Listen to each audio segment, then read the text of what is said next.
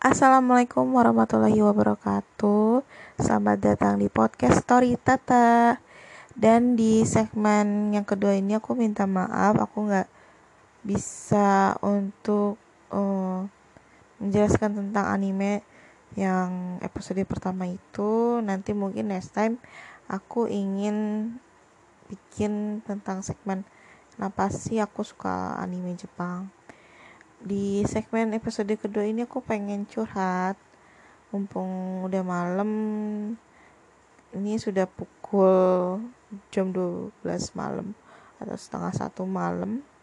Tepatnya hari minggu tanggal 2 Mei 2021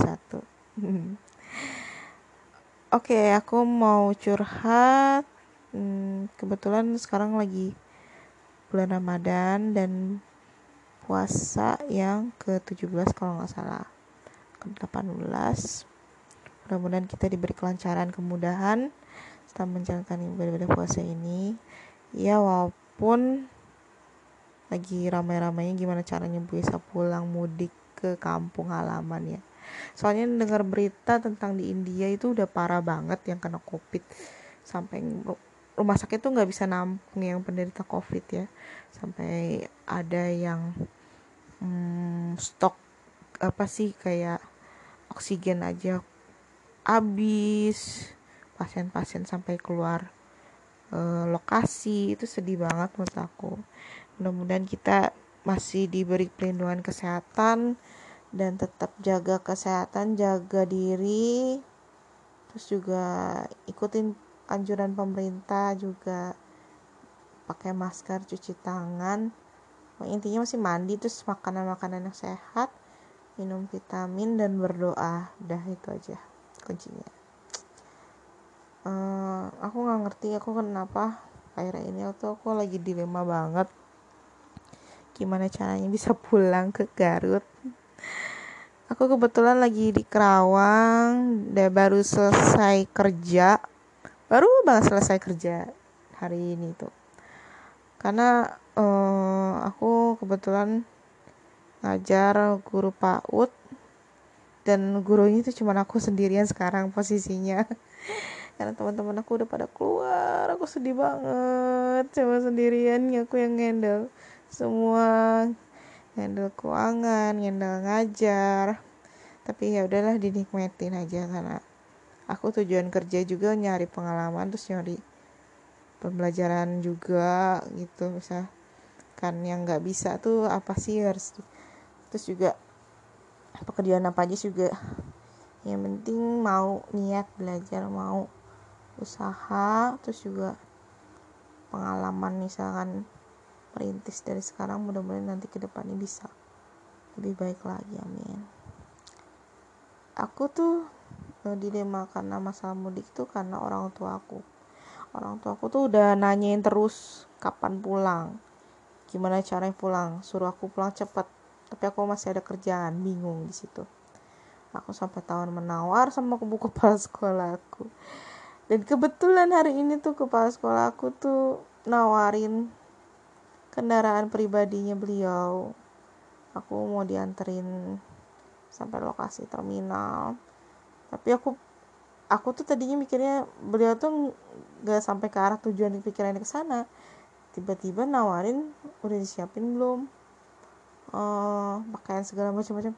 Aku nggak ada prepare siapin apa-apa. Karena posisinya aku tuh mikir ya udahlah selesai ngajar dulu takutnya kenapa-napa atau apa. Uh, maksudnya nggak tuntas pekerjaan aku. Aku tipe orang yang misalnya kepikiran kalau pekerjaan aku nggak selesai gitu. Ada yang kurang atau gimana. Jadi uh, aku mutusin ntar aja lah kebetulan aku di rumah tuh banyak barang berharga jadi aku takut kenapa-napa. Juga apa kebetulan di daerah rumahku ramai banyak hiburan jadi aku ngerasa kayak kayak hari biasa aja gitu tapi lagi momen puasa gitu.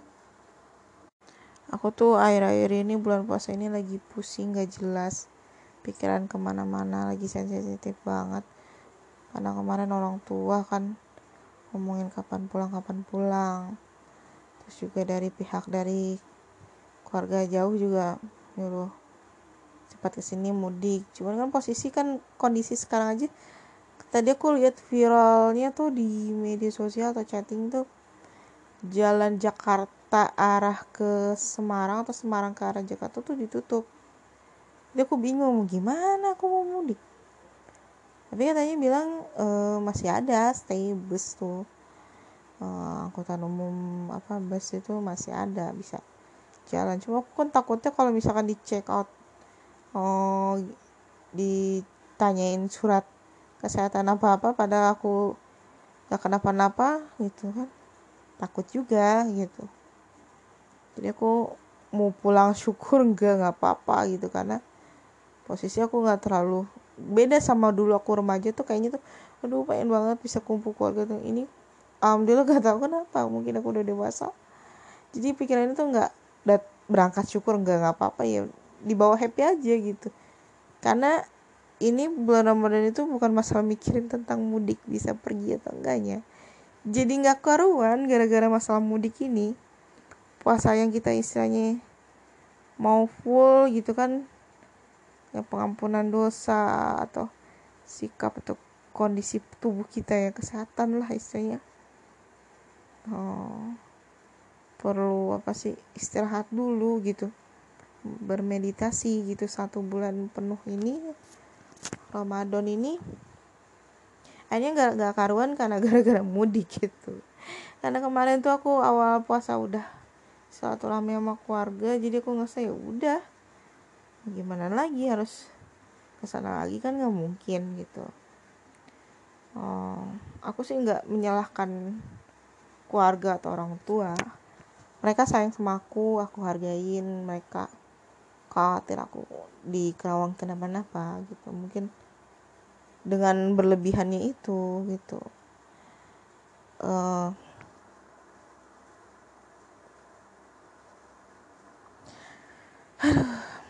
uh, oh ya aku kebetulan udah malam jadi aku lagi berbadang sekarang.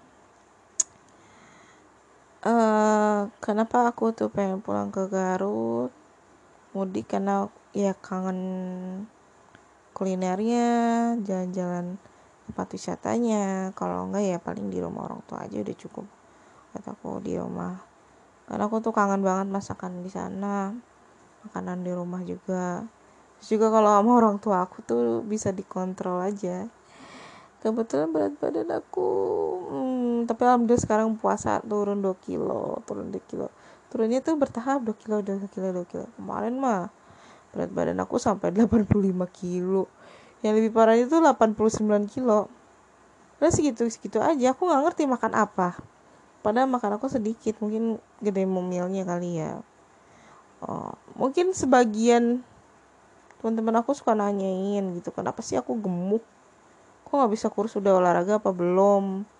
Atau ngelakuin apa? Minum obat diet atau krim mencakan kulit biar perut paha lengan itu kurus atau kecil mengencang. Tapi nggak ngaruh apa apa karena mungkin aku nggak rutin juga pakainya jadi ngerasa ya udah gitu. Pas kira pakai aja gitu. Tapi kalau sama orang tua aku kan alhamdulillah mamaku tuh bukan aku sayang gitu maksudnya maksudnya mamaku mau protek juga aku masih tetap nurutin gitu buat kebaikan. Jadi kadang nyatanya ini barang KW apa barang asli. Tapi aku gak masalah sih kalau kayak gitu. Akhir-akhir ini aku tuh sering gimana ya bulan Ramadan ini tuh pengen healing gitu. Banyak. Perlu nggak aku ngomong di podcast ini? Ini ngomongin tiga perkara sih. Kebetulan akhir-akhir ini banyak yang nge-DM komen WA aku tentang masalah berhijab. Aku tuh kenapa sih buka kerudung? Pada nanya kayak gitu ke aku. Pakai ada-ada yang ayat-ayat suci Al-Quran nge WA aku ngejapri aku semua deh pokoknya aku tuh bener-bener lagi super super sensitif cuman bukan masa sensitif soal tentang berbusan aku dengan kondisi rambut aku yang gitu ya yang bikin orang tuh ngerasa gimana gitu sama aku teh. Cuman kan mereka kan nggak tahu aku kayak gimana kondisinya. Yang pertama aku tuh kenapa bisa gemuk? Karena aku dulu punya riwayat TB tuberkulosis tuh kan takut kan kalau ngebahas kayak gitu. Nah dulu tuh tahun 2017 apa ya pokoknya sebelum aku menikah tuh aku sering batuk-batuk gitu. Oh batuk-batuk kering gatel berdahak. Sampai aku diperiksa ternyata aku tuh positif TB itu tuh aku rasa drop down banget kan. Emang gak boleh deket sama siapa-siapa aku sempat pernah sampai batuk berdarah juga di tahun 2017 itu. Ya pokoknya itu pengalaman ujian hidup aku yang berat banget. Maksudnya aku tuh pernah ngalamin ke klinik hanya sebentar terus nggak lama pulang ke rumah mikirin gimana masa depan atau gimana pasti dah mikirin ke situ ya. Semua ibu juga pengen seperti itu. Memberikan yang terbaik buat anaknya apa sesuai dengan harapannya mereka. Dan aku kebetulan juga lagi apa sih ngambil kuliah jurusan pergi PAUD karena kebetulan aku ngajar PAUD insya Allah. Jadi orang tua tuh khawatir banget tentang aku gimana di sana. Padahal di sini sih aman-aman juga alhamdulillah tentang aku ada liatin nolongin kadang aku kayak gimana ngecek gitu kan aku tinggal berdua di rumah. Karena aku ya udahlah ngerasa yuk gimana lagi gitu. Uh, Halo semuanya, selamat datang di podcast Story Tata. Dan di podcast kali ini aku Maaf banget, aku kayaknya pengen banget curhat. Pengen ngeluarin unek-unek aku hari ini. Kebetulan nih hari Senin ya. Senin tanggal 3 Mei 2021 Kenapa alasan aku pengen curhat? Mudah-mudahan kalian mau dengerin curhatan aku di podcast ini. Aku tadinya rencana hari ini mau pergi ke lokasi uh, tepatnya di Kuningan karena suami aku kerja di sana sekarang staynya.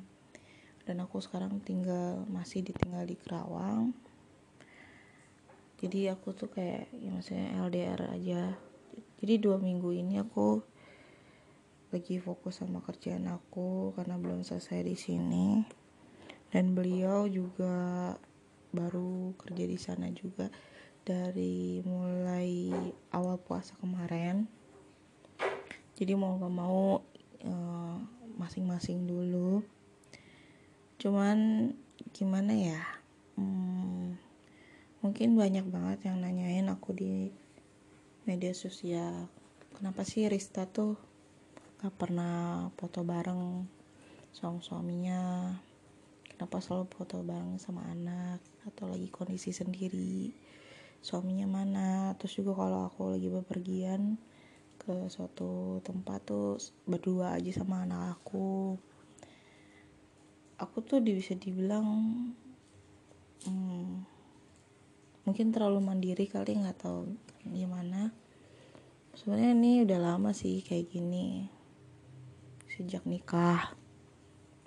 Cuman aku orangnya nggak mau diambil pusing. Jadi kalau misalkan kayak diskusi itu nggak sefrekuensi dan nggak sejalan aku nggak mau terlalu di konfliknya tuh terlalu panjang lagi gitu. Jadi ya udahlah aku ngalah gitu. Atau mungkin kalau punya tujuannya berbeda ya udah masing-masing aja gitu dengan urusannya masing-masing gitu.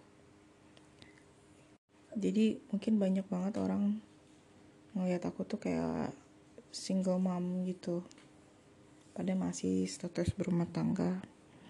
Ya walaupun ke mana-mana apa-apa sendiri gitu. Oh ya aku pengen curhat. Kenapa aku ingin curhat hari ini? Dari kemarin-marin di episode yang kedua itu aku kan bahas tentang mudik ya.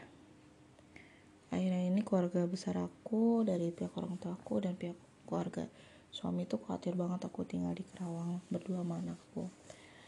Menurut aku wajar sih cuman mereka itu terlalu posesif terlalu banyak ngatur terlalu banyak ngerasa insecure overthinkingnya tuh luar biasa. Jadi tuh aku ngerasa nggak nyaman dan gak tenang tinggal di sini berdua. Padahal aku baik-baik aja dan gak kenapa-napa. Jadi kayak pikiran aku tuh ah, apa beliut lah kalau orang Sunda bilang tuh pusing ya. Apa sih kayak kusut gitu. Cuman kalau aku sama suami aku itu kalau komunikasi itu jarang. Bisa dibilang agak susah sih untuk bisa komunikasi baik gitu lancar sama kami berumah tangga.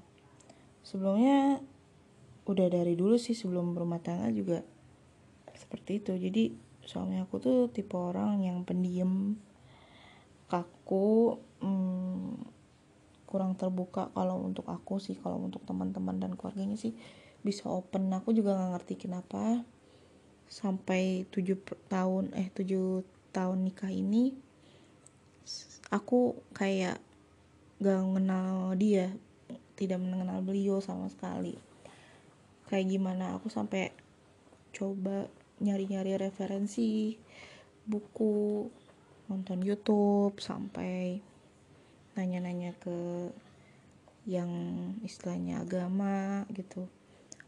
Baca-baca kitab juga tentang menjalin suatu hubungan dalam rumah tangga atau relationship. Tapi namanya manusia kan gak ada yang sempurna kita disatukan kalau namanya rumah tangga kan beda dua kepala. Beda pemikiran juga.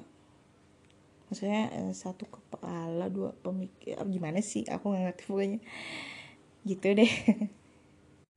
Aku tuh uh, sama suami aku tuh sering banget ada uh, komunikasi masalah komunikasi contohnya nih untuk hari ini aja aku tuh rencanakan mau mudik ke tempatnya suami. Cuman aku karena banyak kerjaan di rumah yang belum selesai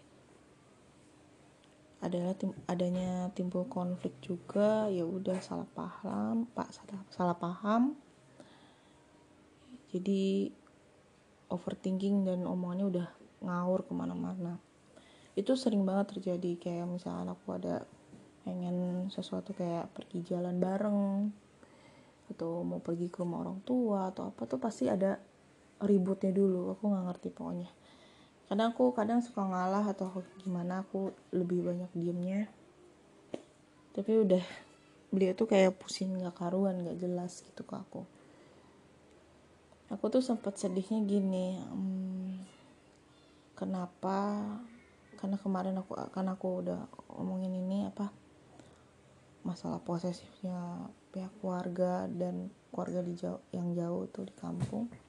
Aku ngerti mereka khawatir sama anak aku dan aku masalah kebutuhan atau gimana. Cuman posisinya aku tuh udah untuk saat ini tuh udah terlalu capek terlalu lelah karena aku udah ngasih tahu ke pihak keluarga sempat nelpon. Aku tadinya rencana mau hari ini tapi aku batalin karena mungkin besok aja. Karena aku nggak mau maksudnya kondisi uh, di Karawang tuh berantakan kondisinya tuh nggak. Nanti kalau misalkan aku pulang uh, rumah tuh berantakan. Rumah tuh nggak rapi atau gimana atau kerjaan aku tertunda gitu karena kemarin-kemarin tuh karena aku kemarin ngajar terus juga sekarang aku yang megang keuangan di sekolah dan aku juga habis beres-beresin peralatan barang-barang aku aku packing ke Garut karena insya Allah aku mau rencana tahun ini mau kuliah.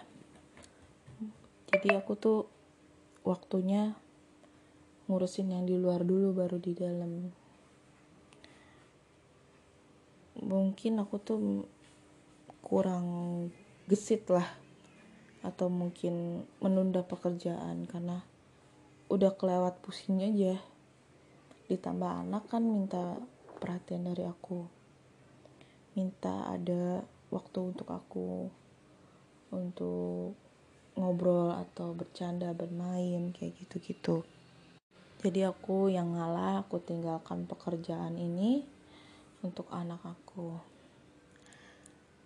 Yang aku sempet sedihnya tuh gimana ya? Ya satu itu sedih karena sampai sana. Gak ngerti kondisi aku di sini kayak gimana. Taunya pengen cepet ke sini karena mungkin aku tahu khawatir karena di jalan raya kondisi mudik sekarang mungkin ada kemacetan takut ada pemeriksaan kayak gitu-gitu. Aku ngerti. Dan aku juga nggak mau pusing misalkan aku lebaran gak lebaran juga sama aja karena kondisi kita tuh lagi sama-sama lagi memprihatinkan gitu. Itu aja cukup pengertiannya dari mereka. Aku pengennya seperti itu. Cuman suami aku ngomongnya udah ngaco dan aku juga ngerasa emosi aku juga ikut-ikutan uh, meledak dan ngaco juga. Jadi kita ngomongnya udah ngelantur masalah perceraian karena aku juga capek juga capek untuk ngerti gitu. Cuman aku ngerasa sedihnya oleh suami itu aku dibilang istri yang membangkang istri yang gak nurut. Aku bingung gak nurutnya di mananya. Sedangkan aku ingin berniat untuk mengunjungi keluarganya beliau. Aku bingung membangkangnya dari mana. Aku juga gak ngerti aku sempet sedih sakit hati. Bukan gimana ya kecewa aja gitu. Kok sakit hati terlalu berlebihan. Aku sempet awal-awal Januari itu aku kecelakaan motor. Udah pada firasat sih um, bahwa ada kenapa-napa dan mimpi juga. Kayak ada sosok laki-laki yang mengajak aku pergi. Cuman aku ditahan di dalam mimpi itu uh, sama ibu aku jangan pergi itu tuh hari itu juga aku lagi ada ngurus ke perbankan gitu karena kartu ATM aku tuh keblokir. Aku udah satu hari itu tuh aku pulang pergi tuh ditabrak mobil motor. Jadi berangkatnya tabrakan mobil pulangnya tabrakan motor. Nah bertabrakan motor ini yang aku kecelakaan itu berdarah kaki aku kena. Dan itu kurang sigap juga sih suami. Jadi tuh apa apa aku sendiri deh. Sampai ya mungkin ya gimana ya? Itu sampai aku lagi kondisi sakit kaki aku ditolongin sama warga di situ. Suami malah nyari pelakunya bukan yang diprioritaskan yang lagi kondisi kecelakaan atau bisa dibilang lagi kondisi parah dan aku juga udah nggak kuat aku sampai emosi juga sih sebenarnya waktu itu. Karena beliau nyari pelakunya aku tuh ngerti. Tapi kan pelakunya yang nabrak aku juga kabur. Dan pas sampai lokasi rumah dia ngomongnya udah ke mana-mana ngomongin aku ini akibat kecelakaan dia atau ini dari ulah aku yang nggak nurut ulah aku yang istilahnya membangkang membantah. Aku bingung masih bingung membangkang membantahnya di mana. Aku nggak ngerti apa mungkin suami aku gila hormat. Aku nggak ngerti. Sampai aku terus aku buka diri maksudnya buka omongan. Buka untuk ingin berpendapat ingin membela diri atau ingin berjujur apa sih ingin jujur dari hati aku sendiri. Keinginan-keinginan yang bisa dibilang banyak penolakannya banyak alasannya tapi aku masih bisa maklumin dan ngertiin gitu. Itu yang bisa dibilang waktu momen itu tuh bener-bener sedih sedihnya aku dibilang istri durhaka nggak nurut bangkang kayak gitu gitu dan kembali lagi omongan itu terjadi untuk hari ini karena masalah aku karena nggak datang harusnya hari ini karena aku tunda besok. Karena aku juga khawatir masalahnya pergi ke kuningan Cirebon itu jadwal busnya itu subuh sama malam. Dan aku tuh karena bawa anak jadi nggak mungkin kan aku juga khawatir. Kecuali aku kalau misalkan aku pergi ke Garut kalau pergi arah Bandung Garut itu ke Jawa Barat dengan juga Jawa Barat. Cuman full time. Jadi kalau bus itu ke arah sana ada setiap jamnya. Kecuali kalau misalkan ke arah Cirebon itu itu ada jadwal-jadwalnya. Jadi aku tuh khawatir aja maksudnya berduaan gitu di jalan ya aku takut lah. Mungkin sekarang ada canggih apa ya kayak Grab, Gojek gitu. Masih aku masih khawatirnya karena kita karena aku berdua dan mungkin bawa barang apa ini itu itu ya aku kadang mikir kenapa nggak nggak mikir ke sana nggak mikir untuk keamanan anak istrinya gitu. Aku terus terang udah memikirkan panjang soal tingkah laku suami aku. Aku tuh udah bisa dibilang ngertiin sabar. Sabar banget. Uh, dalam kondisi materi masalah dalam segala hal apa pun gitu. Kondisi prihatin kondisi lagi naik turunnya aku sampai aku belain sampai aku keluar dari pekerjaan terus aku belain ikut suami. Mungkin nggak mungkin suami, mungkin aku belum bisa ngabulin permintaan suami untuk tinggal di kampungnya beliau. Karena nggak ada obrolan dari pihak suami aku harus di sana. Malah banyaknya dari orang tuanya aku bukannya di podcast ini aku bukan untuk menjelaskan tentang kejelekan pihaknya keluarga mereka. Cuman aku ngerasa ini aku pengen menceritakan curhat hati aku aja. Kayak gimana gitu. Uh, keluarga beliau berekspektasi ambisi terobsesi. Aku dan anakku tinggal di sana biar dekat. Tujuannya sih baik. Menurut aku tuh aku ngambil aja positifnya tujuan namanya orang tua pasti tujuannya pengennya baik ya. Oh, pengen deket cucu deket anak gitu. Cuman pemikiran aku tuh luas gitu. Pemikiran aku tuh aku menikah dengan suami aku gitu. Aku harus bareng-bareng sama suami aku tapi mungkin mindsetnya mereka mindsetnya kampungnya di mereka tuh kalau suami itu perantau istri di kampung atau di dekat dengan mertua gitu.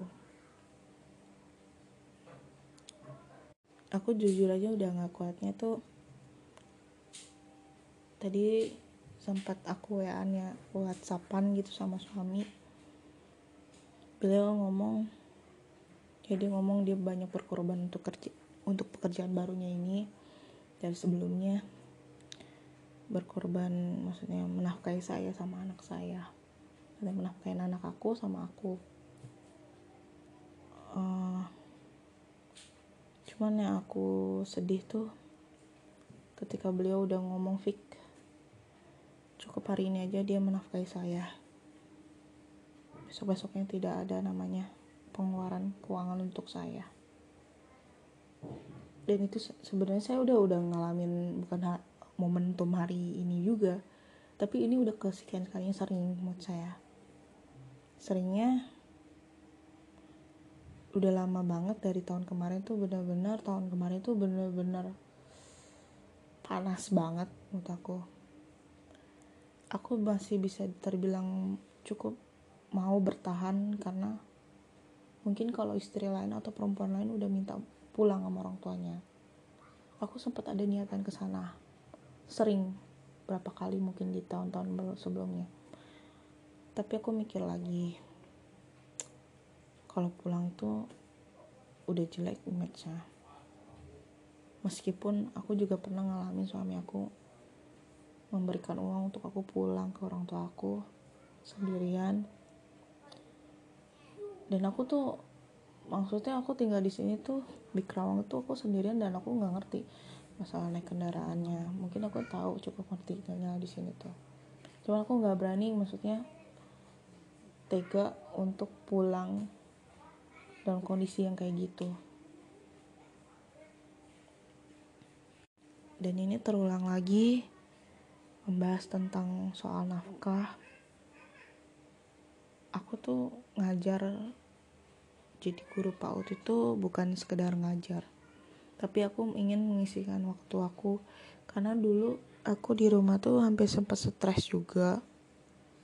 Stres. Jadi aku tuh pengen ada waktu untuk di luar rumah tapi yang bermanfaat. Dan alhamdulillah aku kerja ngajar guru PAUD tuh nggak jauh dari lokasi rumahku. Dan juga aku juga mungkin di rumah tuh karena gak banyak gerak jadi mau nggak mau kata murid aku tuh sambil olahraga aja di luar rumah ngajar kan ini otak gitu maksudnya mengasah otak aku lagi. Sama ini aku uh, dulu ngajar di uh, Garut sempat aku kerja di Garut. Terus aku di ke sini ikut suami aku ngisi waktunya buat ngajar sambil ngurus anak aku. Dan itu aku belain untuk cari pekerjaan yang istilahnya. Bisa aku handle untuk anak aku gitu. Bisa ada waktu biar aku pengen perlihatkan karena aku loh ini mamahnya loh. Oh, ini ibunya. Masih ada waktu masih ada kelihatan lah kasih sayangnya. Mungkin sama aja sama wanita karir yang lainnya juga sama yang perkantoran juga sama yang bagian kesehatan juga sama cuman menurut aku aku pengen kelihatan aku bahwa aku ada stay di situ. Walaupun aku kerja aku masih ada tetap di sampingnya beliau apa di sampingnya anak aku. Gitu aku berpikir seperti itu. Karena pekerjaan itu cuman ya, ya dibilang ringan lah. Walaupun ya bisa dibilang menghadapi banyak anak tuh gak mudah.